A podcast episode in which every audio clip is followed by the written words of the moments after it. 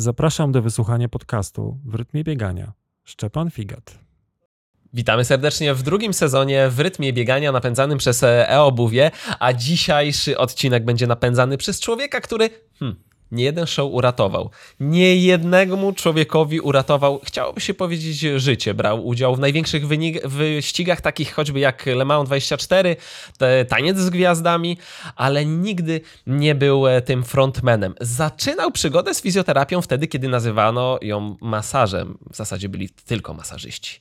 A, a dzisiaj będą rozmawiać Adam Kszczot. Maciej Kurzajewski, poczekaj, bo to było bardzo dobre, długie wprowadzenie w temat, a tak naprawdę powinniśmy powiedzieć, zapraszamy na spotkanie spotkanie z ciekawym człowiekiem, ale to i tak nie wyczerpałoby tematu. Jeśli chodzi o wprowadzenie, zapraszamy na spotkanie, drodzy Państwo, z legendą. Tak jest. E, I nie wiem, zastanawiam się, czy po czesku nie powinniśmy się przywitać, prawda? O, może tak, ahoj. Ahoj, dobry den. Dzień dobry panowie, dziękuję za miłe, miłe przywitanie. Aż z wrażenia muszę się napić wody, bo mi zaschło w gardle. Szczepan Figat, szanowni państwo, jeśli ktoś jeszcze nie poznał po głosie albo z fizis, ale to on tak jest we własnej osobie. Dzień dobry, bardzo dziękujemy, że znalazłeś dla nas czas. Zwłaszcza w tym okresie wakacyjnym to nie było łatwe. Nie będziemy nawet mówili, którego dnia nagrywamy tę rozmowę. Niech to pozostanie naszą słodką tajemnicą. Idealnie, że jesteś z nami. Dziękuję bardzo, jest bardzo ciepło w każdym razie, to mm -hmm. możemy powiedzieć. O, to na pewno. Bieganie.pl. Słuchaj w rytmie biegania.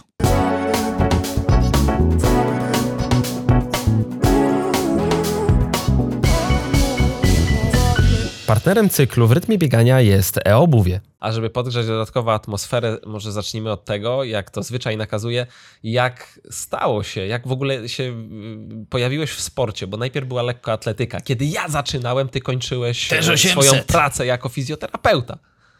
Mówię tu o pracy y, w Polskim Związku Lekkiej Atletyki. Ja sam byłem zawodnikiem kiedyś, e, też biegałem 800 e, na poziomie Mistrzostw Polski, finałów Mistrzostw Polski seniorów. E, bez rewelacyjnych wyników, natomiast to otworzyło mi furtkę do tego, żeby mm, pomarzyć o tym, co dalej. Zdecydowałem się w pewnym momencie, że zamiast tylko biegać, tak jak sobie zdajecie sprawę, że sportowcy, szczególnie lekkoatleci, można nazwać biegacze bardziej, są tak zmęczeni po treningu, że nie mają siły na naukę. Mm. Um, dość często tak bywało, między innymi moi koledzy tak, takie mieli podejście. Ja trochę postanowiłem inaczej. Złamałeś schemat. Tak, no i skończyłem dwa fakultety i mm, wtedy, kiedy zaczynałem być masażystą, jak powiedziałeś, w Polskim Związku Lekkiej Atletyki, to miałem tylko szkołę masażu i szkołę analityka medyczna. To jest taka bardzo przydatna szko szkoła w sensie wiedzy. Natomiast nigdy nie poszedłem w analitykę medyczną, czyli w analizy lekarskie.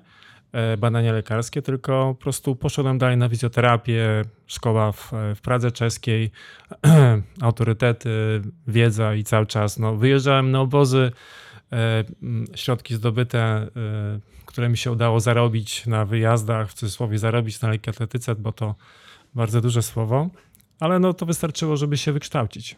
Co to jest fizjoterapia, powiedzmy? Bo zaczęliśmy od masażu, właściwie to Adam zaczął od masażu. Ja w ogóle nie chciałem tego tematu poruszać. Od razu chciałem się skupić na fizjoterapii. E, wiesz, to jest tak, że teraz fizjoterapeuci się oburzają, jak się mówi do nich, czy mogę przyjść na masaż, tak? Mhm. Bo fizjoterapeuta nie masuje. A tak naprawdę w fizjoterapii zawiera się masaż, fizykoterapia, czyli wszystkie działania tymi aparatami, e, które dają jakiś efekt leczniczy, coś pomagają, w sensie albo są to prądy, albo są to ultradźwięki, albo są to um, nie wiem, chłodzenie, albo ogrzewanie. Wszystkie zabiegi, które bazują mhm. właśnie, czy zabiegi wodne, to jest ogólnie, można powiedzieć, odnowa biologiczna, fizykoterapia, masaż, terapia manualna, czyli w cudzysłowie strzelanie z kości, tak, każdy sobie jakoś tak myśli o tym. Um, plus ćwiczenia, oczywiście trening medyczny też się w tym zawiera. Mm, trening medyczny, czyli dla osób, które mają jakiś problem i trzeba tak poprowadzić e, ten trening, ćwiczenia, żeby no było lepiej. Mhm. Żeby tak zaplanować ćwiczenia, żeby było tylko lepiej, żeby każdy pacjent wiedział, co ma robić. Tak, to, to tak naprawdę można powiedzieć, to się zawiera w tym fizjoterapia. Ja rozmawiałem z kilkoma twoimi pacjentami i bardzo często z ich ust padało takie określenie cudotwórca. Dlatego, że byłeś w stanie w bardzo krótkim czasie przywrócić ich do, do żywych.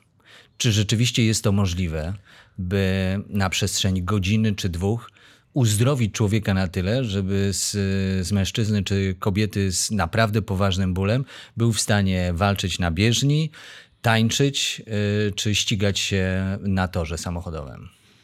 Na pewno jest to możliwe. Fizjoterapia to jest e, zespół cudów, które robimy dzięki temu, że mamy wiedzę. To nie jest to, że mamy zdolności nadprzyrodzone w sobie i dotykamy człowieka poprzez przepływ energii, jest od razu lepiej. Na pewno też jest czynnik taki właśnie ten, e, tego, tej pracy energetycznej, ale głównie to jest wiedza. Mhm. Jeżeli e, dobrze poznasz systemy e, zarządzające mm, e, siłami, które przewodzą ruch w naszym ciele, jesteś w stanie to wszystko tak poukładać, żeby to nabierało sensu. Jeżeli jesteś w stanie pomóc pacjentowi tak, że on się poczuje tak 60-70% lepiej, to to jest ten cud.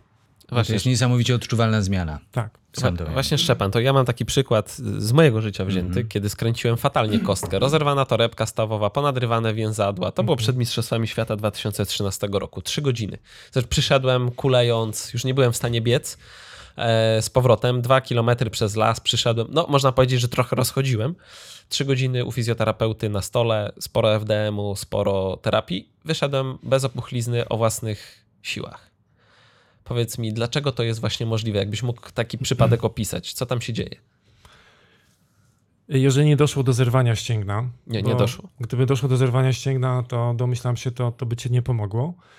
E, po prostu tymi terapiami jesteśmy w stanie wyrównać przebieg, e, przebieg włókien. Jeżeli e, to nie jest już kwestia wiary fizjoterapeuty, to jest już udowodnione naukowo, że jeżeli jesteśmy w stanie pociągnąć terapię w kierunku powiem to jeszcze raz, przebiegu włókien e, kolagenowych, jesteśmy w stanie przewrócić jakby ich ciągłość. To nie jest takie jakby naprawienie, tylko to jest jakby e, trudno mi użyć takiego wprost określenia, ale nazwijmy to, że to po prostu potrafimy to poukładać z powrotem. Poukładać z powrotem, nie wiem, może skleić, a też nie, spasować. Spa, spasować. Ja to trochę porównuję, jak na USG nieraz oglądałem swoje ścięgna do bierek, które są dobrze ułożone albo źle ułożone. Albo się krzyżują, gdzieś tam się zaginają, albo są ładnie ułożone, jak jedna obok drugiej. Jakbyśmy wzięli wykałaczki, ładnie poukładane i obejrzeli właśnie w tym pojemniczku. No, wygląda to wtedy zacnie. Jak przychodzą problemy, to ten obraz się zmienia z kolei. Dokładnie. E, tutaj muszę nadmienić o jednym e, startupie, w którym e, uczestniczę. To jest właśnie, wspomniałeś o ścięgnach. Tak jest. Wiemy już, jak badać ścięgna Achillesa i wiemy, jakie ma przełożenie ścięgna Achillesa na, e, na człowieka, na inne, możemy przepuszczać jego stany. E, jest taki startup, który nazywa się Smarter Diagnostic, mhm. który już e, mamy napisany algorytm, który poprzez rezonans magnetyczny jest w stanie ocenić dokładnie, jak wygląda Achilles. I to jest algorytm, który się już nie myli. Mhm. E, już jest, tak e, dobrze napisany, że jesteśmy w stanie określić dokładnie, e, jaki jest stan ścięgna. Jest to też propozycja, z którą niedługo wyjdziemy do zawodników aby, i trenerów, aby wspomóc jakby proces treningu. Badanie polega na tym, że mm, umieszczamy pod udział w rezonansie magnetycznym na 20 minut. Po zakończeniu badania od razu mamy wynik, opis dokładny, co tam jest. Tam jest kilka kryteriów. Tam jest pięć kryteriów, które są takie jakby najważniejsze w opisie ścięgna. E, to jest technologia, nie, która może działać 24 godziny na dobę. Mhm. E, to jest technologia, która, która się nie myli, która nie jest zmęczona, która nie ma problemów. Po prostu opisuje tak, jak powinno być i tak jest, bo już e, Będziemy teraz wychodzić na następne ścięgna. Wiem, że kolano jest teraz już na tapecie i poszczególne dalej inne ścięgna poprzez takie szybkie badanie rezonansem magnetycznym. A dla kogo są wyniki z tych y, badań? No bo często otrzymujemy wynik badania USG, rezonansu. Opis jest w zasadzie czytelny tylko dla bardzo wyspecjalizowanej grupy osób, która potrafi zapisy łacińskie i skróty odczytać. A jak próbujemy to sami rozszyfrować w internecie, to w sumie wychodzi nam pomieszanie z poplątaniem. Dokładnie. Tutaj jest plan taki, aby mm, były sugestie dla y, i, i opis sytuacji dla pacjenta, żeby sam pacjent zrozumiał, co się z nim dzieje, no bo tak jak, tak jak zasugerowałeś tutaj, wychodzisz od diagnosty, masz y, suchy opis w ręku, lepszy bądź gorszy nie wiesz, co się dzieje. Wchodzisz do internetu i szukasz, tak? I wychodzą ci naprawdę niezłe chochliki, potem przychodzisz do terapeuty, terapeuta się łapie za głowę i mówi, no chłopie, no weź ty się ogarnij, nic ci nie jest, damy radę, lekko naciągnięty. Tak? A tutaj y, mamy taką nadzieję, że jesteśmy w stanie dać y, informacje dla pacjenta, dla fizjoterapeuty, dla doktora. A czy to zmierza w takim kierunku, że ta aplikacja, to narzędzie zostanie tak dopracowane, by służyło nie tylko osobom, które, u których pojawił się problem i zależy im na tym, żeby się wyleczyć, ale u osób, które czują się dobrze, są aktywne, ale chcą wiedzieć, na ile mogą sobie pozwolić. Wiesz o co mi chodzi? Wiem, wiem, wiem. Myślisz o sobie w tym momencie. Myślę też o sobie, tak. To jest taka sytuacja, że my tak naprawdę wychodzimy do kilku grup, bo to jest e, jedną z grup to jest sport jesteśmy w stanie pomóc e, trenerom e, w decyzji, czy na przykład zawodnik nie jest przestymulowany, czy w ścięgnie widać już destrukcję, czy te beleczki koleganowe są równo ustawione, czy grubość Achillesa jest odpowiednia, e, czy nie ma innych dysfunkcji, anomalii w tym Achillesie. Ale tutaj mogą bardzo dużą rolę odegrać firmy ubezpieczeniowe, które zdecydują się na taki mhm. w cudzysłowie produkt w swoim portfolio, żeby na przykład oferować jeszcze przy przy badaniach, no, takie jak mamy teraz profilaktykę, e, gdzie badają nas pod kątem, czy na przykład mamy komórki rakowe, tak? Mhm. czy wiemy, jesteśmy pewni, że jesteśmy zdrowi dzięki temu. Gdzie nas skanują po prostu. Skanują nas. Teraz tych skanów e, pod różnym kątem jest dość dużo, więc taka usługa, która właśnie jest proponowana przez Smarter Diagnostic może być za E, wciągnięta jeszcze i przez, e, przez korporacje, firmy, które mają swoje jakby dodatkowe pakiety dla pracowników, mm -hmm. tak? Oraz... Czyli nie tylko sportowcy. Nie, nie, oczywiście, że nie, bo e, też, też jest taka informacja, chociaż cały czas szukamy na to dokładnych potwierdzeń, że Achilles może być takim papierkiem lakmusowym, jeżeli chodzi o choroby takie metaboliczne. Tak, bo to mimo wszystko jest wrażliwa struktura metabolicznie. Dokładnie. To jest z własnego doświadczenia. Wiesz, jak Achilles reaguje na poszczególny trening. Rok, dwa lata złej diety i po achillesach albo po ścięgnach krzyżowych. Właśnie. I to dlaczego my tego jeszcze tak dobrze, tak dokładnie nie łączymy, to o tym trzeba po prostu trąbić, a nie mówić. Aha, no. To są najważniejsze rzeczy, które no, są dla profilaktyki. Dlaczego mamy tyle urazów e, chociażby w lekkiej atletyce? Dlaczego nie mamy ciągłości diagnostyki i przekazywanej informacji, e, e, przekazywanych do dobrych e, e, diagnostów, do dobrych e, doktorów, dobrych e, centrum e, medycznych. A masz odpowiedź właśnie dlaczego tak się dzieje? To mnie dziwi, że tak jest. Po prostu. A nie wydaje ci się, że to jest problem gromadzenia i dzielenia się wiedzą? Albo podejścia. Zobacz, ilu fizjoterapeutów takich jak ty z otwartymi umysłami odeszło z różnych związków. Z swoim know-how, wiedzą i doświadczeniem. Nikt z tego już nie korzysta.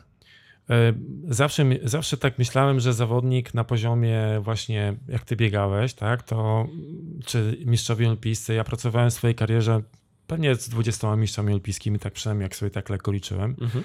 To z różnych krajów. E, I to jest sytuacja taka, że zawsze byłem przekonany, że tacy zawodnicy muszą mieć po prostu wszystko na tip-top.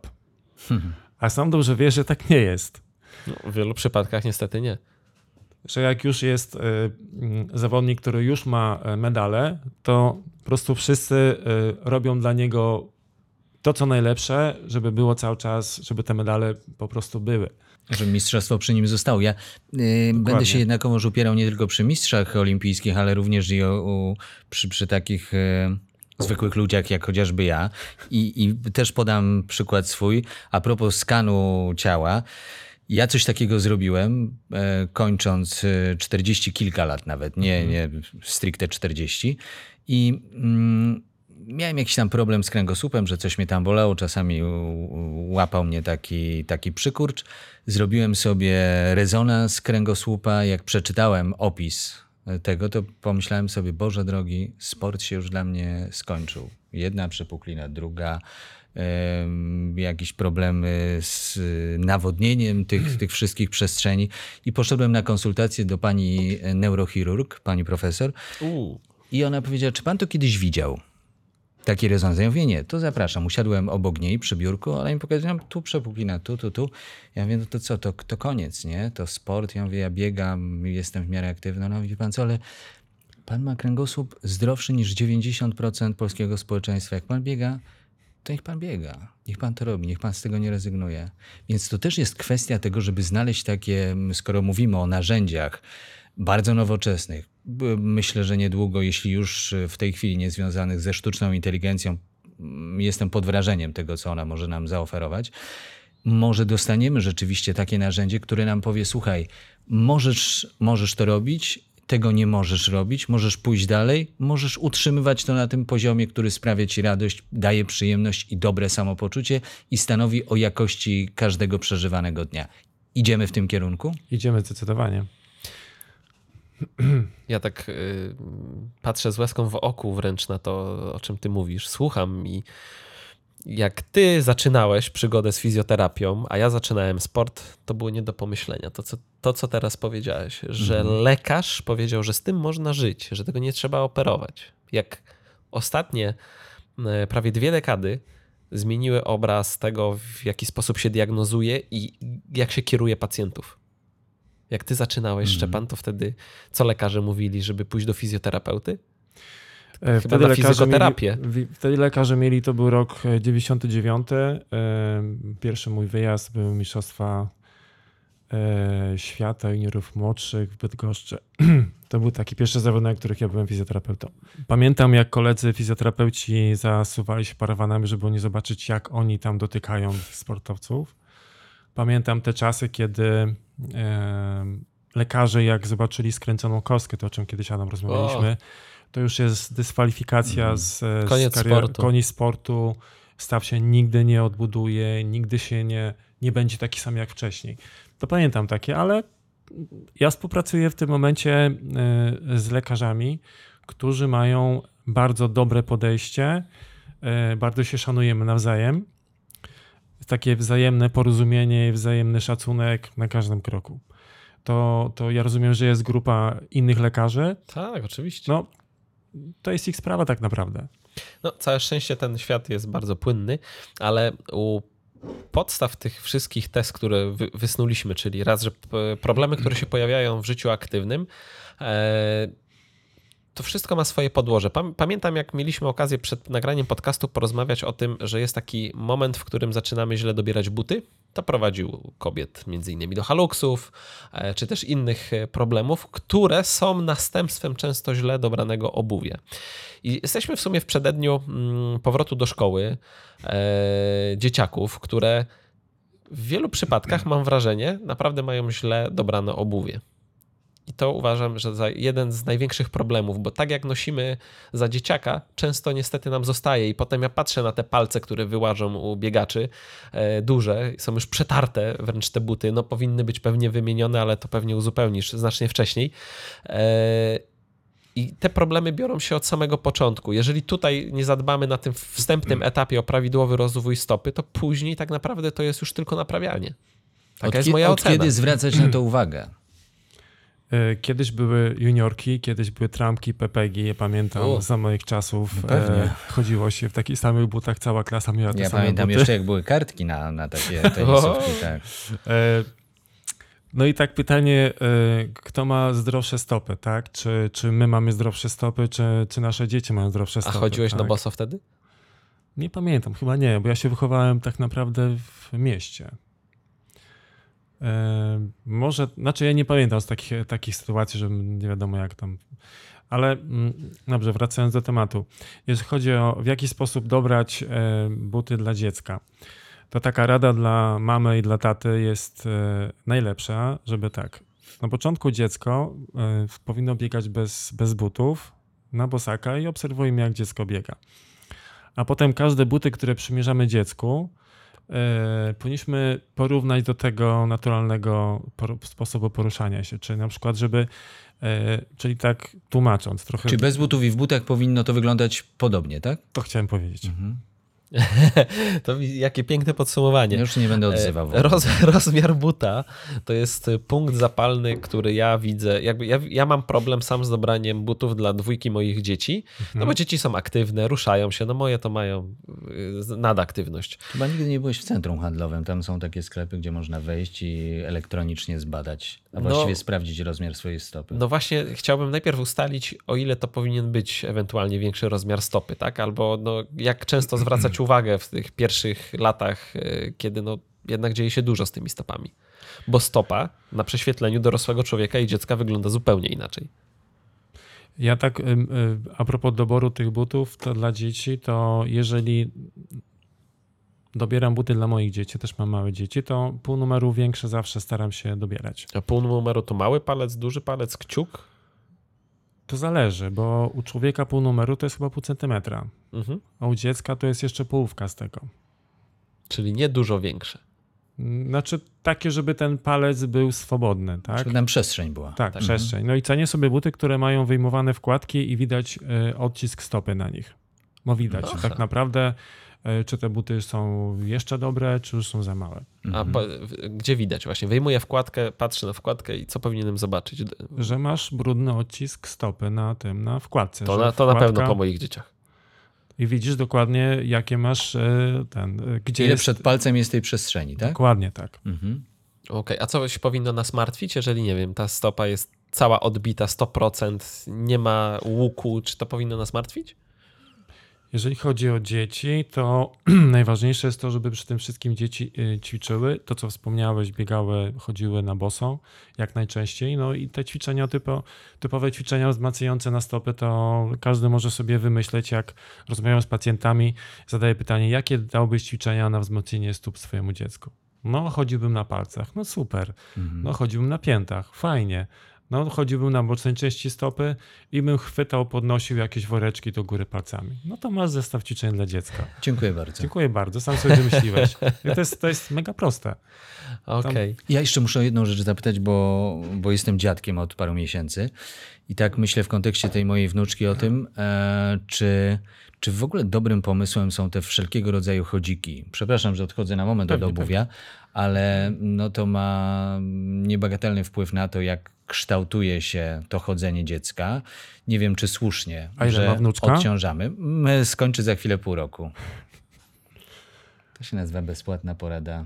E, To Naprawdę jest tak, że fizjoterapeuty. Wykorzystuję taki dziecko, e, które ma, jest do dwóch miesięcy, to jest dziecko, które ma idealną płaską stopę, Mhm. gładką płaską stopę i e, dziecko, które leży, ma spokój. Jest dziecko, które po prostu odpoczywa po porodzie do dwóch miesięcy. W trzecim miesiącu, e, tam między trzecim a mogę się mylić chyba czwartym, e, dziecko układa się bardziej na plecach, podnosi nogi, zgina w biodrach e, samo sobie i trzyma tak, może tak bardzo długo trzymać nogi zgięte w biodrach, złącza sobie stópki i rozchyla kolana na zewnątrz. To jest taka pozycja, która jest e, bardzo ważna do rozwoju dziecka i do potem do układu e, napięć tkanek e, mięśniowo-powięziowych w ciele.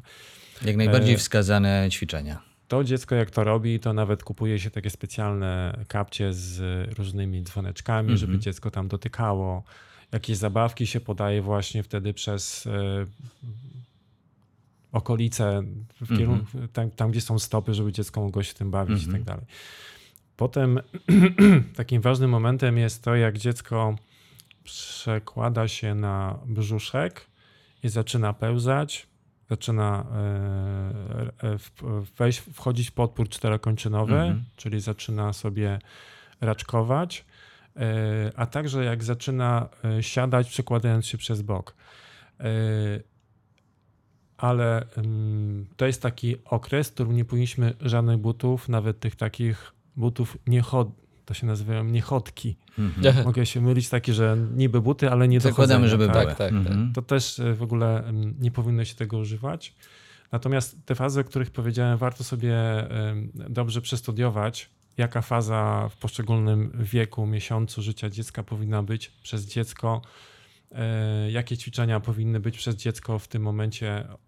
On, dziecko sobie sam, samo ćwiczy leżąc tam, Mhm. tak? Czy sobie chodzi, przesuwa się, przepraszam, czworakuje, no bo dopiero mm, jak już ma około jednego roku, czy trochę powyżej jednego roku, y, to powinno dziecko, nawet wcześniej powinno dziecko chodzić bokiem. Mhm.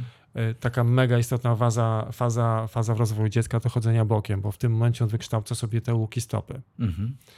E, Jak już, mm, czyli mamy tak, e, na początku leżenie na plecach i bawienie się e, stópkami. Potem- Bokiem wzdłuż mebli potem. Tak. I jeszcze w tej fazie e, wczesnej, takiej 3-4 miesiąc, dziecko też robi, wchodzi w moski, czyli podpiera Mhm. się stópką, podpiera się na palcach po to, żeby podnieść biodra. Potem jest właśnie ta faza przechodzenia, przekręcania się na bok, ale mogę się mylić, bo tak ja nie jestem specjalistą od dzieci. Ale potem na pewno jest mega istotna ta faza pe, pe, pe, Tak. pełzania, czworakowania, a potem wstawania, obciążania, żeby dziecko samo wstawało. O właśnie, samo, słowo klucz. Samo, to jest słowo klucz i potem, żeby samo chodziło przy meblach bokiem. Mhm. Nie możemy, Ja chyba źle zadałem pytanie, czy ja mam kupować ten chodzik, Nie. czy nie? nie. Dziękuję bardzo. Wiesz co, y, y, ja, ja tak szybko uzupełnię swoją historią. Mhm. Ja moje dzieci, jako wyrodny ojciec, ojciec, jak ja to nazywam, one nie miały żadnej pomocy przy chodzeniu. Mhm. Naturalnie się same nauczyły, ale to bardzo mocno odpłaciło. Moje dzieciaki nie miały żadnych wypadków. Jak były krzesła, to wchodziły na krzesła, wdrapywały się same. Tylko przy pierwszym upadku asystowałem, żeby nie było obicia głowy, żeby nie było to niebezpieczne. I dzieciaki nigdy mi nie spadły z żadnego przedmiotu, nigdy sobie nie zrobiły krzywdy, nauczyły się chodzić same. E, był zakaz pomagania dzieciom, nie miały chodzików, żadnych takich sprzętów, rewelacja. Po prostu wychowywanie dziecka w sposób easy. Tak, łatwo nie wiedziałem, że będzie, jeżeli chodzi o te etapy. To ja też to pamiętam, chociaż to było parę lat temu, dobrych parę lat temu. Mój młodszy syn ma w tej chwili 17 lat i jedynym wydatkiem, który, który wtedy był konieczny, był zakup po prostu kasku. Bo jak nauczył się chodzić, jak zaczął chodzić, to, to jeszcze nie potrafił hamować. I to tyle, dziękuję. Taki był szybki. I miał być drugi Mariusz Czerkaski, no. Tak, tak. Nie było blisko lodowiska, wiesz. Okej, tak e, podsumowując jeszcze ten etap e, butów. e, Ja mając problem, zacząłem korzystać z aplikacji, zresztą w sklepie obuwie i w stacjonarnych i jako aplikacja dostępna na telefonach z eSize Me.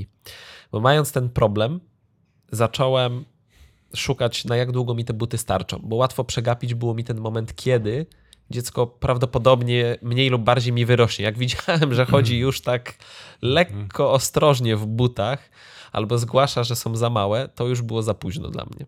I właśnie, czy, wiesz, czy w Twojej ocenie, jakby korzystanie z takich predykcji, e, doboru odpowiedniego obuwia i od razu, ale uwaga, za miesiąc to trzeba już się zastanowić nad e, nowymi butami. Czy to w ogóle przy tym pędzie życia, jaki mamy, czy to ma sens?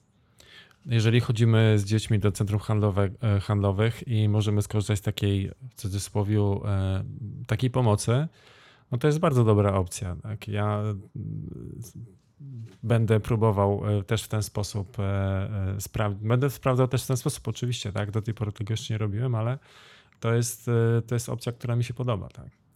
A mm, teraz myślę o dzieciach typowo szkolnych, no bo w sumie na powrót y, do szkoły gotowi start jesteśmy już, to mamy sytuację, w której dzieciaki mają tak duży wybór w butach, że sam zadaję sobie pytanie, płaskie, a może biegowe, w takich jak ja chodzę, bo są ultra wygodne, po prostu buty do biegania, do chodzenia na co dzień, tam gdzie mogę zakładam, czy może buty specjalistyczne, tak, y, które bardziej gdzieś w stronę rozwoju dziecka powinny się y, pojawiać. Idąc śladem dorosłych, to właściwie wybór jest jeden, no tylko buty do biegania. To, to idąc ulicami, czy przemierzając ulice dużych miast, zwłaszcza za oceanem, ludzie idąc do biura idą w butach do biegania. Później dopiero zakładają ewentualnie tak zwane biurowe buty.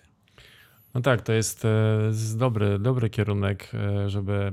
Tylko tak, e, ja też wobec swoich dzieci tak się czasami zastanawiam, jakie najlepiej buty wybrać. Ja po prostu biorę ileś tam paru, par butów, no i patrzę, jak wygląda stopa.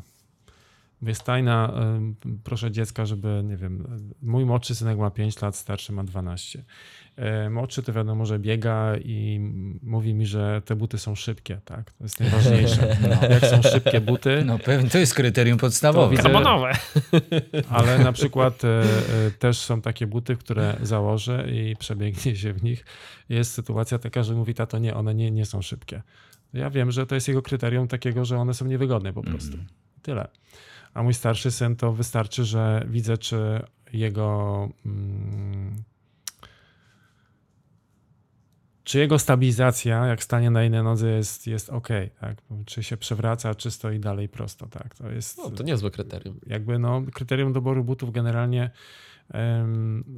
jedną, je- jedna, z cech, jed- jedna z cech kryteriów doboru butów to jest właśnie to sprawdzenie tej stabilizacji. Mhm.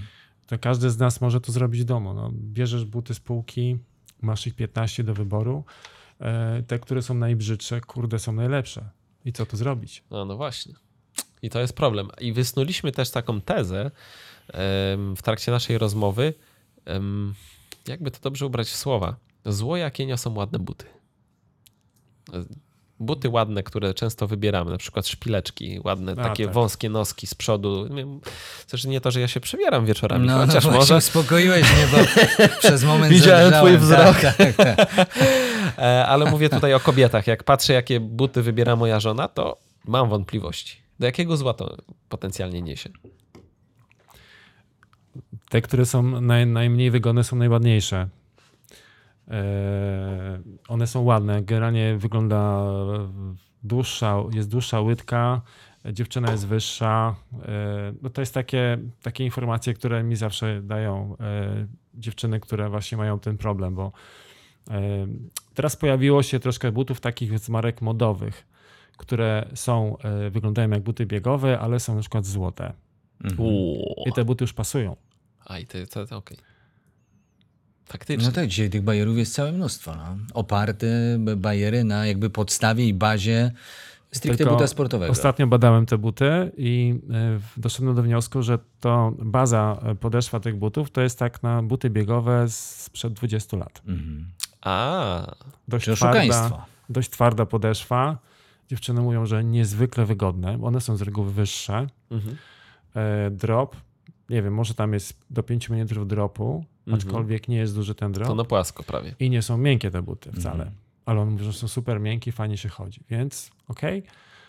Jak się porówna ze szpilkami, to, to może być znacząca różnica. Więc Ale są tak. złote i ładnie wyglądają, naprawdę. Ale To, to może- będę podawał marek, ale to Czy kilka procent do wygody jednocześnie niesie, niesie do odpowiednio dobrana stylizacja. I ja to, ja to generalnie też trochę rozumiem, bo najtrudniejszym klientem em, jest biegacz.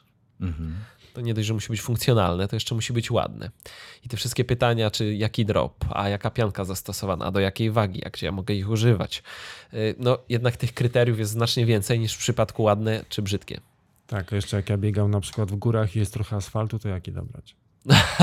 No właśnie. I to może być tak. ślisko jeszcze. A no tak, no a pytanie, czy zbiegasz z tej głównej trasy, bo jeżeli tak, to mimo wszystko, wiesz, no to już A takie może najlepszy kierunek to im droższe, tym, tym lepsze. Niestety wielu plecaku- podchodzi do tego w ten sposób. W plecaku trzeba mieć drugie buty i Tak? zmienić. A, a widzisz, a ty w butach crossowych, czy właśnie w takich bardziej uniwersalnych? Nie, słuchaj, ja, ja w ogóle y, napatrzyłem się na wymianę opon y, pod, na, na wyścigach i wiem, że y, znaczy w, w tych wyścigach endurance, na które jeździłem, ta szybkość wymiany opon, no to jest dwadzieścia kilka sekund, to jest dobry wynik, tak? Do 20, nie, przesadzam, kilkanaście sekund to jest dobry wynik. Ale tam ta szybkość nie jest jakaś taka mega istotna. Natomiast ten dobór opon i ten fitting samochodu, czyli żeby dobrać wszystkie parametry idealne, to jest mega super opcja. Y, Bardzo dużo tu ma, to koreluje właśnie z tymi butami, no bo y, ja po tych torach biegałem. Każdy tor, gdzie byłem, czy w Japonii, czy w Stanach, czy Le Mans 24, ja przebiegłem. Mhm. I ten asfalt jest od, ma taką niesamowitą jakość, jest tak nagumowany, że podeszwa e, razem z tym asfaltem faktycznie jeszcze bardziej oddaje ten but. Poważnie? To jest niesamowite. To może jest przyszłość biegów. To, że zostały organizowane w pandemię e, e, jakieś maratony albo inne biegi na dychę, pamiętam, na tor, torach Mhm. wyścigowych, to jest super pomysł. No proszę, to może... Nawierzchnia jest bardzo dobra. Plus no jest dużo zakrętów, bo tor wyścigowy to głównie zakręty, tak? Na Zależy prostej, jaki tor. Na prostej każdy umie jeździć. To, tor Le Mans 20, e, w Le Mans jest e, taka prosta, kilkukilometrowa, ale ona jest szykanami prze, specjalnie przydzielona, że te zakręty jednak są Tam ustawione jest chyba jeszcze sztucznie. wznios delikatny, nie? Tam, tam dużo aut wypada na tej prostej pozornie. Y, Bo jak była prosta, y, która nie była podzielona na jakieś jeszcze zakręty, no to wtedy ludzie jechali bardzo szybko i jechali tylko prosto. I w pewnym momencie no, jakby znużyło i ludzie mogli, y, że tak powiem, tracić kontakt, zasypiać. Tak pewnie było, ale teraz y, nie ma takiej sytuacji. A, no proszę.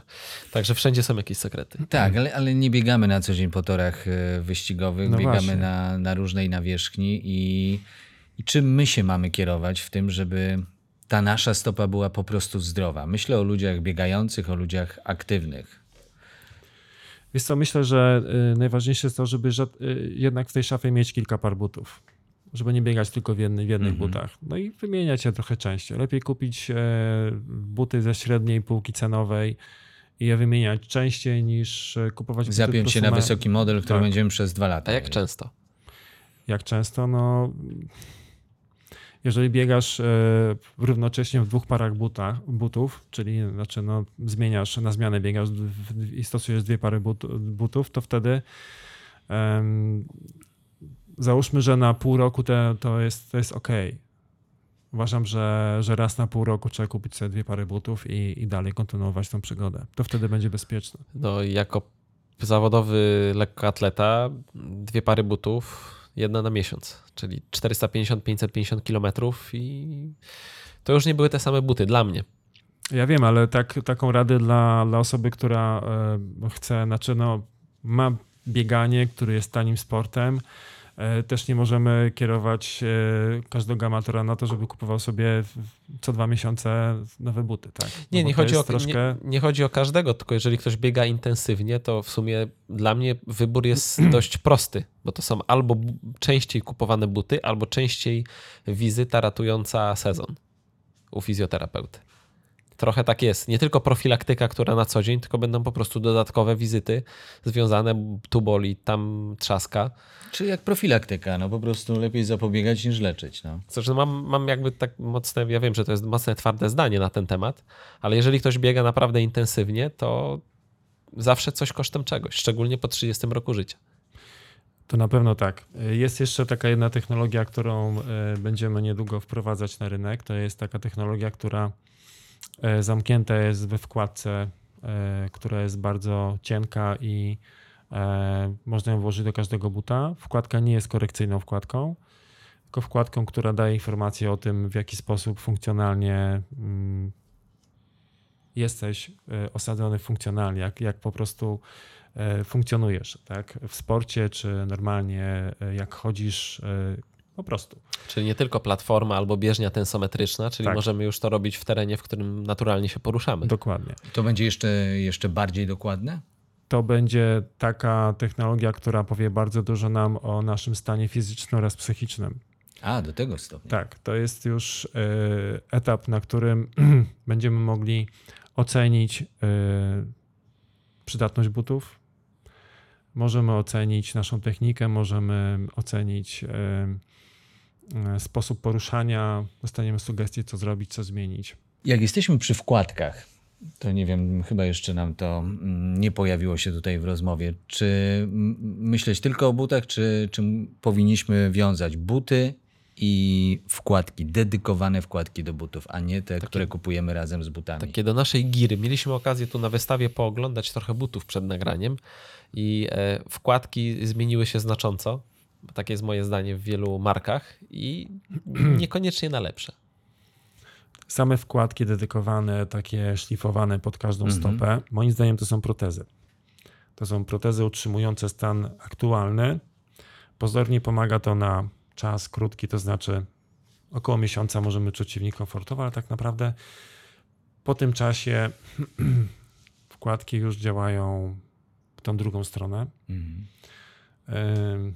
Ja nie jestem zwolennikiem dobierania wkładek tych takich szczególnie agresywnych, twardych. e, Chyba, że jest takie wskazanie ortopedyczne, jest dysfunkcja e, ortopedyczna, bo wiadomo, że za dysfunkcją stopy idą e, idzie dysfunkcja i stawokolanowego, biodrowego i kręgosłupa, skoliozy, ale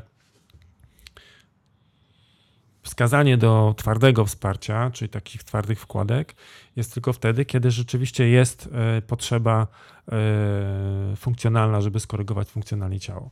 A tak po prostu, bo biegam, wezmę wkładki.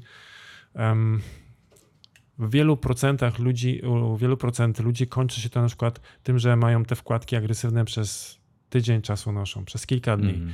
One są tak nieprzyjemne, że rzucają do szafy i tego po po prostu, w tak. tym nie chodzą. Mhm. To też jest jakiś argument za tym, że mm, to nie jest do końca, do końca ok. Mm, Jesteś bardzo doświadczonym fizjoterapeutą, e, sam biegasz, sam uprawiasz sport, prowadzisz Akademię Zdrowego Biegania. Zatem jak biegają biegacze amatorzy? Jak, jak układa się ich stopa w trakcie tej pracy? Każdy ma indywidualną technikę. E, na wiele rzeczy nie mamy w ogóle wpływu i nie należy ich dotykać, ruszać i zmieniać. Natomiast jeżeli są tylko takie furtki, którymi możemy wejść i coś zmienić, to należy to zrobić. Mhm. Jeżeli Akademia Zdrowego Biegania, którą, e, którą program, program sam tu, e, do tego wymyśliłem, polega na tym, że ja pokazuję dokładnie, jak pracuje stopa, jak ma być ułożone kolano i przekładam to na ćwiczenia. Patrzę, jaka jest potrzeba danego człowieka, e, danego biegacza i tłumaczę, dopóki zrozumie. Jeżeli nie rozumie to na podstawie tego ćwiczenia, to pokazuję następne ćwiczenie. Jak zrozumie ten etap, to idziemy dalej. Co to tak wygląda? E, Ułożenie e, całego ciała do biegu, postawienie stopy. E, No, chyba największym problemem jest u biegaczy amatorów to jak stawiać stopę. No właśnie to jak stawiają? Przez piętę, śródstopie, na palcach? Jak, jak oni właściwie biegają? Sam się nad tym zastanawiałem, więc zrobiłem badania. Em, Mam u siebie takie wkładki diagnostyczne, które mm, zakładam pod stopę. Wychodzimy na zewnątrz i biegacz sobie sam biega. I ja tylko mm, mam podgląd na monitorze tego, jak to wygląda. Robimy nagranie, potem analizujemy cały wynik tego. Em, Robiłem badania na z 50 pacjentach, którzy wyszli z kontuzji, amatorzy biegania. Byłem przekonany, że mm, biegają na całej stopie ciężko i te naciski są takie w newtonach dość duże. No ale mnie to strasznie zaskoczyło, bo w jednej trzeciej może naciskają piętą, na niektórzy nawet nie w jednej trzeciej. I to tacy ludzie, których ja oceniłem z daleka, że będą klepali na piętę, jak to się Mhm, mówi zdecydowanie mocno, ale nie. Jeżeli to był tylko trucht, to ta, ten procent był trochę większy napięty, ale ogólnie to maksymalnie jedną trzecią obciążenia. Czyli stopy. 30% siły na piętę, a reszta Tak. na śródstopie i palce? Przodostopie, palce, śródstopie, tak. No to bardzo dobry wynik. Mhm. Ja bym powiedział, że znacznie większy nacisk jest y, na, na samą tylną część buta napięte. Tylna część buta e, jest dobrze zabezpieczona zawsze. Zobaczcie, co, co jest tym... Jak Najlepiej zabezpieczone. Najlepiej, prawda? Mhm. Te przedostopie no, jest tak... ostatnio urosły nam. Mhm. No, przedostopie nie jest tak aż, aż mocno w butach e, zapatrywany w jakieś poduszki czy inne. Mhm. No bo gdyby tak było, z drugiej strony, to nie mielibyśmy dynamiki. Mhm. Bo ta dyna- dynamika by nam gdzieś ugrzęzła w tych wibracjach, które właśnie są od, wynikające od postawienia stopy na podłożu, od dociśnięcia stopy do buta i potem ta faza odepchnięcia. To trochę by tam było za dużo tych e, różnych sił. To tak się zastanawiam. Masz ogromną wiedzę, ale mamy ludzi, którzy też jej poszukują. I jest odwieczne pytanie. I to jest wśród zawodowców również ono jest zadawane i e, odpowiedzi są skrajne. Siedzę ja, młody Adam Kszczot i jeszcze młodszy Maciej Kurzajewski obok mnie. Dla, Bardzo ko- miła perspektywa. dla kogo jest profilaktyka biegałowa, profilaktyka ruchu, profilaktyka po prostu? Profilaktyka jest dla każdego. No, to jest, my w Polsce nie rozumiemy tego, że, że profilaktyka jest podstawą, e, przyszłością tego, co będzie później. To podałem Ci ostatnio przykład e, e, 70-latków, którzy mają środki nieograniczone, mają chęci, ale nie mają zdrowia. Dlatego, że do tej pory nie, nie stosowali żadnego sportu, ale kiedy przyszły możliwości e, i nie ma zdrowia, to tak Mhm. naprawdę To już się nic nie, nie nic się nie zrobi. To senewrati.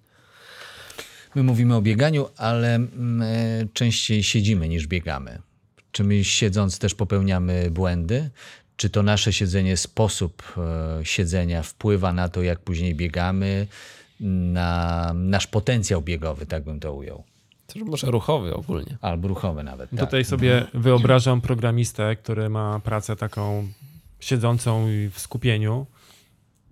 To są osoby, które potrafią się zatracić i przez 4 godziny, przez 5 godzin e, tak odciąć się po prostu. Znam takiego. E, I to jest taka sytuacja, to jest najczęściej e, zatracamy się w pozycjach bardzo, w takich pozycjach, które dają destrukcję. Mhm. Jeżeli robimy to zbyt często, to faktycznie no, ten, ten układ mięśniowo-powięziowy no, będzie tam bardzo napięty. To jest ten, ten moment, w którym się będą tworzyły te napięcia, te mm, miogelozy czy tendinopatie też mogą się w takiej sytuacji po prostu od siedzenia. Mhm. Od samego siedzenia możemy mieć e, mnóstwo problemów, które no, zastanawiamy się skąd się to wzięło, jak mamy pracę siedzącą. Mhm. Lekarz pyta, czy co pan trenuje? No ja nic nie trenuję. A ma pan takie kontuzje, jakby po Jakby prostu pan, trenował codziennie ciężkie ciężary to przerzucał. jak zapobiegać? No na pewno ta higiena, higiena pracy siedzącej jest mega istotna. Y, Zmiana pozycji co 40 kilka minut, czy nawet co godzinę. Zmiana pozycji e, od stojącej e, poprzez klękosiady, poprzez nawet pozycję leżącą, jeżeli mamy taką możliwość, jak ludzie pracują z laptopem, to mogą sobie go przenieść gdzie, gdzie bądź. Tak to w pandemii mieliśmy przykład e, p- pracy właśnie pozycje były półleżące na, na narożniku, czy gdzieś tam e, siedzące, bo ludzie się opierali o ścianę i tak. Takie były pozycje, ale to pandemia na szczęście minęła, tylko teraz e, te nawyki pozostały. Trzeba to po prostu zmieniać. Hmm, no tak. Trzeba E, zmieniać pozycję. No, zmiana pozycji e, ciągła jest mega istotną rzeczą. Są też takie specjalne fotele, na którym się można położyć e, Mhm. z, z laptopem na, na wysięgniku. Ale ja mam takie, wiesz, wrażenie, że wtedy mm, to tak jak z autem. Wiele osób ma zbyt daleko odsuniętą kierownicę. Mm, To był, to, dla mnie to powinien być obowiązek, tak, że jest kurs ustawiania fotela i kierownicy y, przy, y, może teraz to jest wprowadzone, przy kursie prawa jazdy, że siadasz, musisz mieć łopatkę przyklejoną, wyciągasz rękę, gdzie jest kierownica. Okazuje się, że większość osób nie, nie potrafi tak jeździć, bo muszą prawie leżeć, czyli w trakcie wypadku, jeżeli taki miałby y, się zdarzyć, y, oczywiście nikomu tego nie życzę, to tam nie ma co zbierać z kolan, nie ma co zbierać z kostek i bioder. Tam po prostu nie zostaje nic. Miazga. To jest kalectwo do końca życia, tak? Prosta stłuczka, 15 do 30 na godzinę.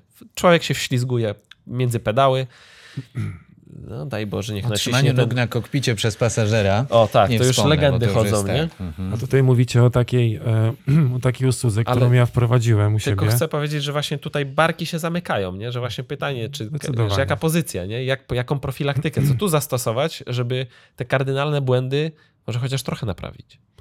Tutaj muszę pochwalić się, że wprowadziłem taki car fitting, czyli e, uczę, jak człowiek ma w samochodzie siedzieć, jak podpierać kręgosłup, w jaki sposób, e, jaką pozycję zająć za kierownicą.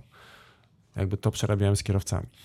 I nie tylko prawą stroną dupy siedzieć, tak? Tak, tak, Mhm. tak. No Właśnie, to jest, I to jeżdżenie właśnie automatem na dwie nogi to jest idealna sytuacja, tylko trzeba się tego nauczyć. to, po, to powiedz takie trzy proste może elementy do zastosowania tu i teraz dla Na każdego, ostatnie kto nas tygodnie słucha. wakacji. Tak. Tak. jest. Długi powrót z wakacji. Chorwacja, 10 godzin. Na pewno te długie powroty to trzeba się zatrzymywać, trzeba w trakcie odpoczywać. Jak E, często? Jak często? Y, Co kilka godzin. Najlepiej sobie robić przystanek co kilka godzin, bo co godzinę to trochę nie ma sensu, ale co 3-4 godziny można się zatrzymać. Są takie możliwości i jak ktoś tego nie robi, to no, To błąd. napięcia y, w tej całej kulszowo-goleniowej części od pośladka do pośladka, czy napięcia kręgosłupa są straszne. To taki challenge. Trzy y, elementy ustawienia fotela i trzy ćwiczenia po tym, jak robimy przerwę. Wysiadamy z auta. Po pierwsze, kierowca musi mieć idealnie ustawiony fotel, e, a nie być dociśnięty przez bagaże, które są, e, które by zostały, bo no, no musi dopchać, tak?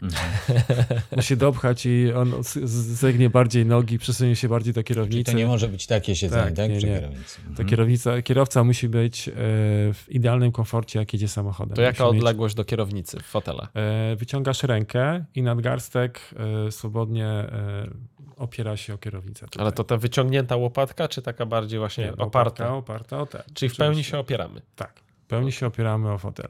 Głowa musi być przy zagłówku. To jest Mhm. taka zmienna, która jest... A nie to? Nie, nie. Okej. A jeśli mamy regulację odcinka lędźwiowego, że tam nam się ten fotel e, wypchnie, że się tak wyrażę. To Uwierz mi, to... jeździłem e, samochodami, które były, są bardzo szybkie e, i dalej mam takie możliwości, testuję takie samochody i żaden z nich nie dał mi takiego komfortu z samego tego podparcia, Mhm. więc dobrze jest mieć e, tam w tym odcinku lędźwiowym e, jakąś małą poduszkę, którą Mhm. wkładam sobie tutaj w odcinek lędźwiowy i jeszcze dosuwam pośladki jeszcze dalej do, do fotela, Mhm. a najlepiej w ogóle korzystać z takiej poduszki, która ma jeszcze kolce. Takie mm, przyklejone plastiko, plastikowe kolce. E, Podnoszę lekko koszulkę i przykładam do odcinka lędźwiowego. Uuu. To gwarantuję wam, że e, czas reakcji jest e, bardzo dobry. Mhm. E, Po drugie, nie zasypiam, nie jeżdżę agresywnie, żeby się o te kolce nie podrapać.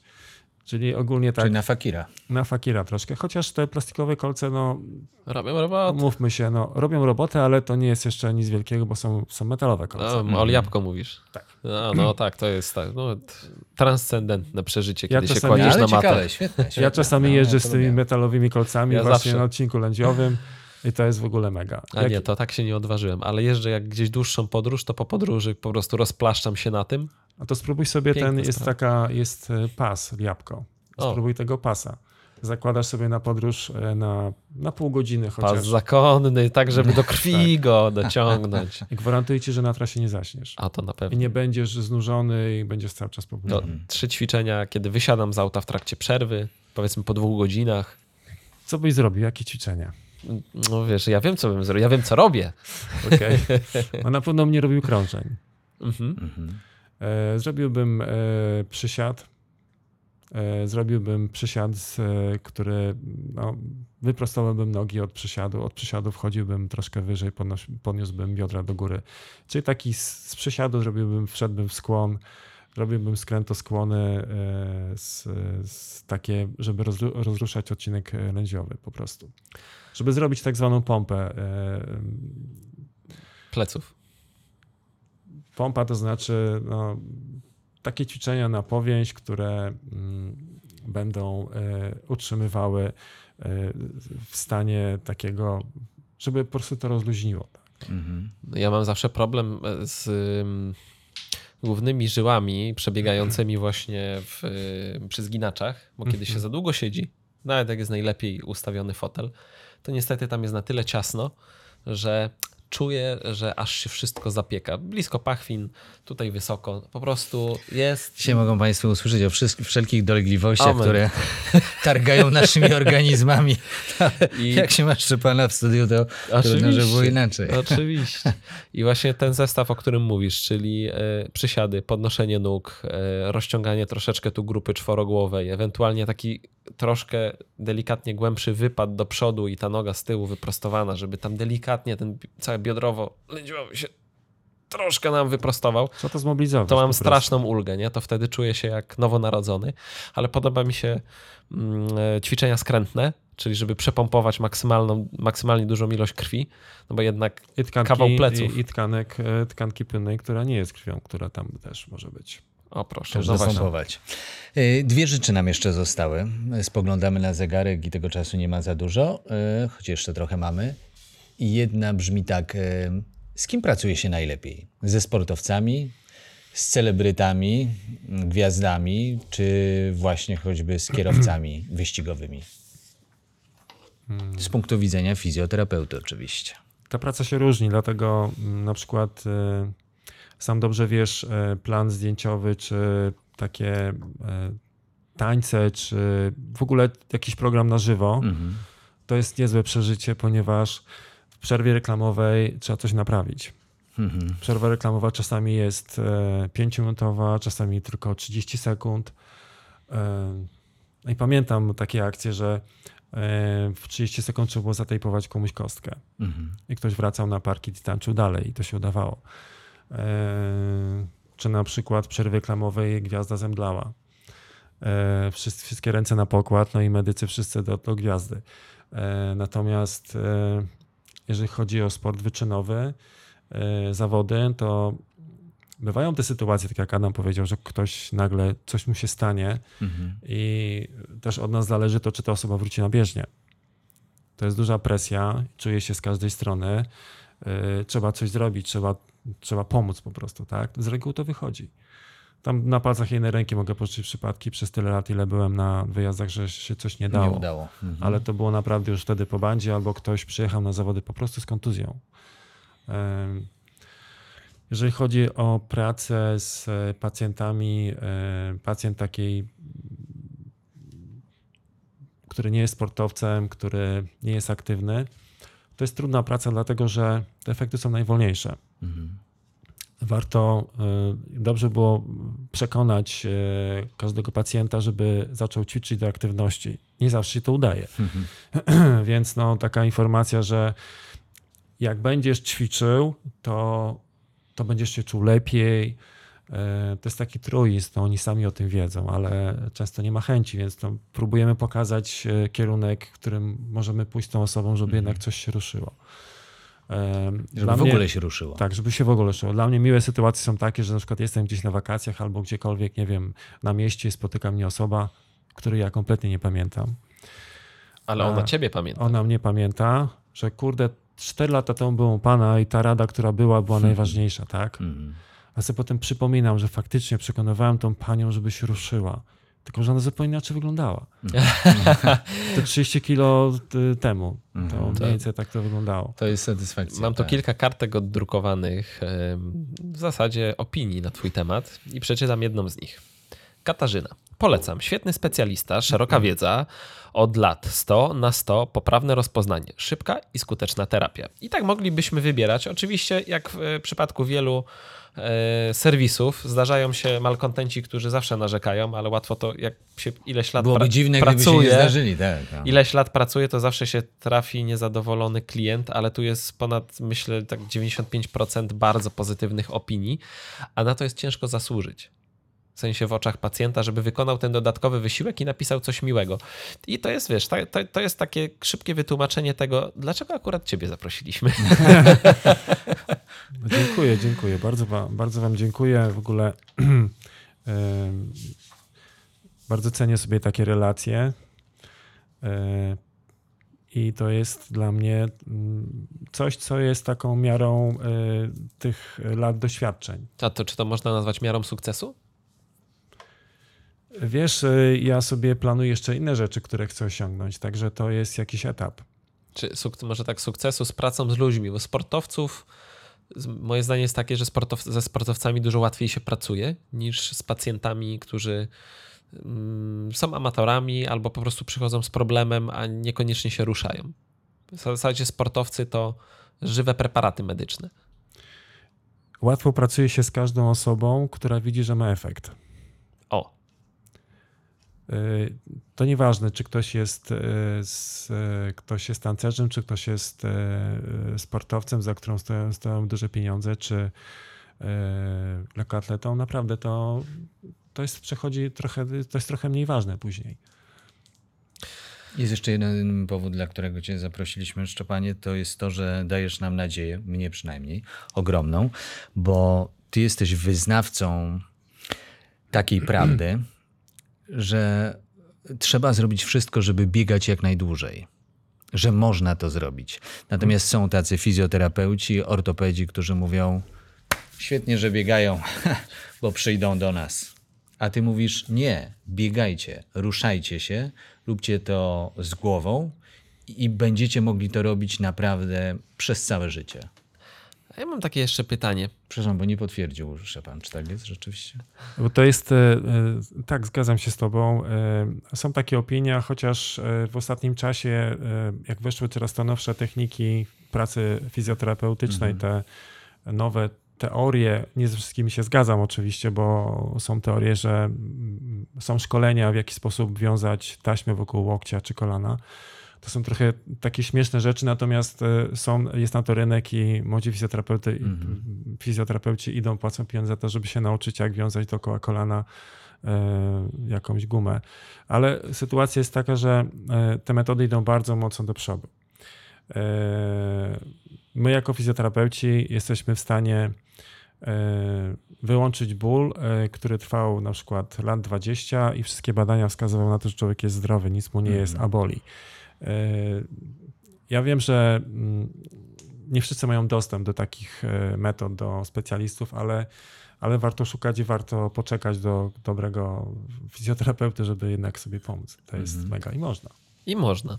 Jest taka teoria, która mówi, chciałbym, żebyś ją ocenił, jak to z Twojej perspektywy wygląda przez pryzmat swoich doświadczeń. Miarą długości i jakości życia jest sprawność fizyczna. Zdecydowanie tak. Bo y, serce jest mięśniem. Żeby ludzie się dobrze wiedzieli, że mięsień jest sercem. E, Mięsień, e, serce, jest mięśniem, przepraszam. E, I żeby ten mięsień dobrze pracował, to musi mieć wysiłek. Teraz sobie wyobrażam osobę, która siedzi i tylko przełącza pilot telewizora i narzeka, że coś się boli gdybyśmy wzięli za miarę tego, pokaż mi w zegarku, ile zrobiłaś kroków dzisiaj albo w tym danym miesiącu, to jesteś w, nie wiem, na dziesiątym miejscu w, kolejce do lekarza albo spadasz na setny. Tak? Im więcej chodzisz, więcej się ruszasz, to przechodzisz coraz, coraz wyżej w kolejce do lekarza.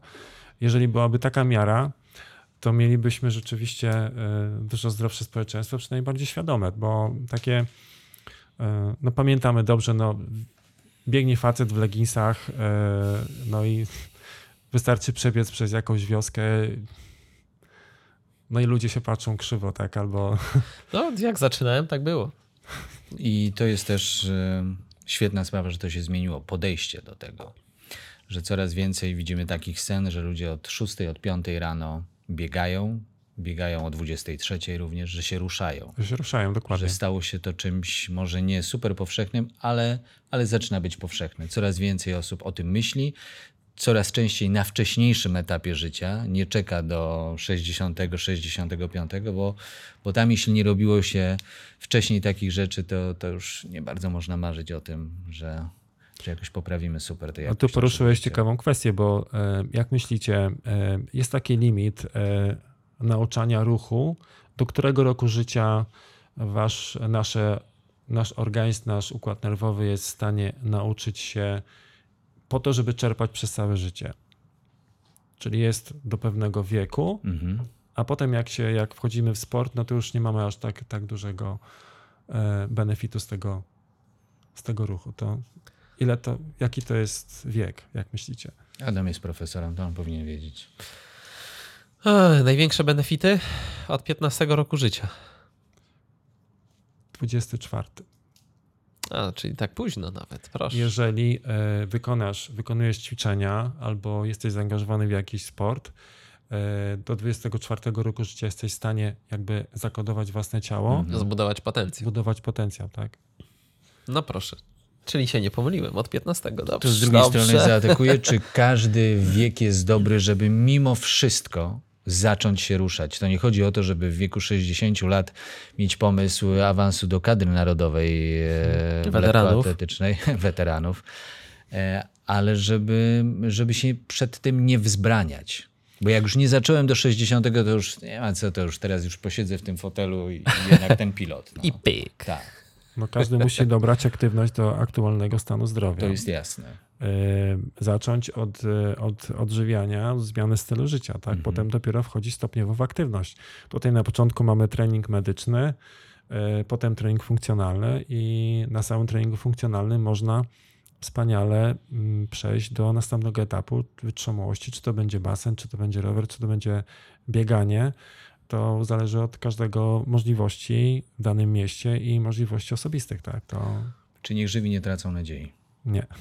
A my tej nadziei e, mamy naprawdę wiele i mamy nadzieję, że z wami, z słuchaczami, zarówno tymi podcastów, jak i wideokastów, e, podzieliliśmy się i daliśmy wam przedmiar tego, jak można o siebie zadbać. Przypominam wszystkim o tym, że w sklepach stacjonarnych, jak i na stronie internetowej e-obuwie można pobrać apkę i Size Me lub sprawdzić prawidłowy rozmiar, szczególnie przed powrotem do szkoły, tak żeby nasze pociechy miały szansę na zdrową przyszłość, a o tym, jakie konsekwencje e, niosą tak naprawdę nasze, każdy, nasz każdy krok e, w życiu opowiadał e, Szczepan Figat, fantastyczny fizjoterapeuta, człowiek legenda, człowiek, który mm, tak naprawdę odpowiedział nam na wiele pytań, które nie tylko ludzie aktywni, ale również rodzice odpowiadają sobie na co dzień. Nie wiemy jak wy, ale nas po tej godzinie nic nie boli.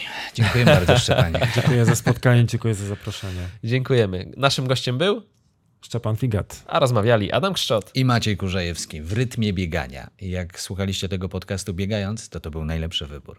Bieganie.pl. Słuchaj w rytmie biegania. Podcast w rytmie biegania napędza e-obuwie.